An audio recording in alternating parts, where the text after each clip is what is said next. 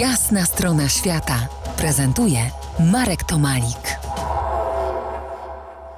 Moim gościem Renata Wcisło, dyrektor programowa Festiwalu Górskiego imienia Andrzeja Zawady, Blądku Zdroju, dziennikarz i speleolog, a nade wszystko żaganianka, czasami z głową w gwiazdach.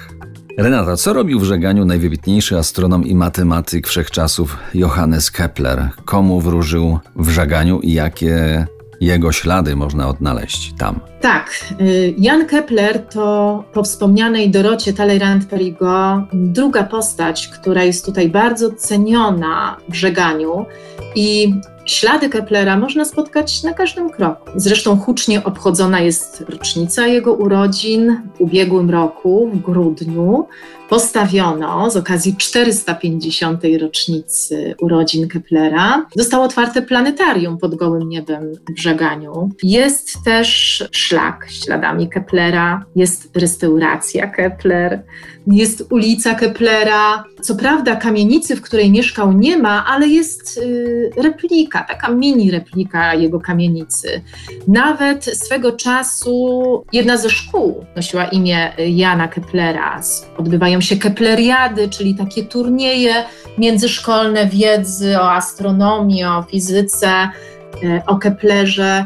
Kepler zatem dobrze naznaczył to miejsce. Żagań po dziś dzień to wylęgarnia miłośników astronomii. No tak, ponieważ u nas w Żeganiu już od lat działa pod dowództwem takiego ogromnego pasjonata fizyki i astronomii Jacka Patki, działa sekcja astronomiczna przy Żegańskim Pałacu Kultury. Podobno niezła. Mm, rok temu czy dwa lata temu została uznana przez Centrum Nauki Kopernik za najlepszą w kraju. Mieszkańcy mają okazję często warto obcować właśnie z miłośnikami astronomii, ponieważ przy każdej okazji muszę dodać jeszcze, yy, bo nie powiedziałam skąd wziął się Kepler w Żeganiu.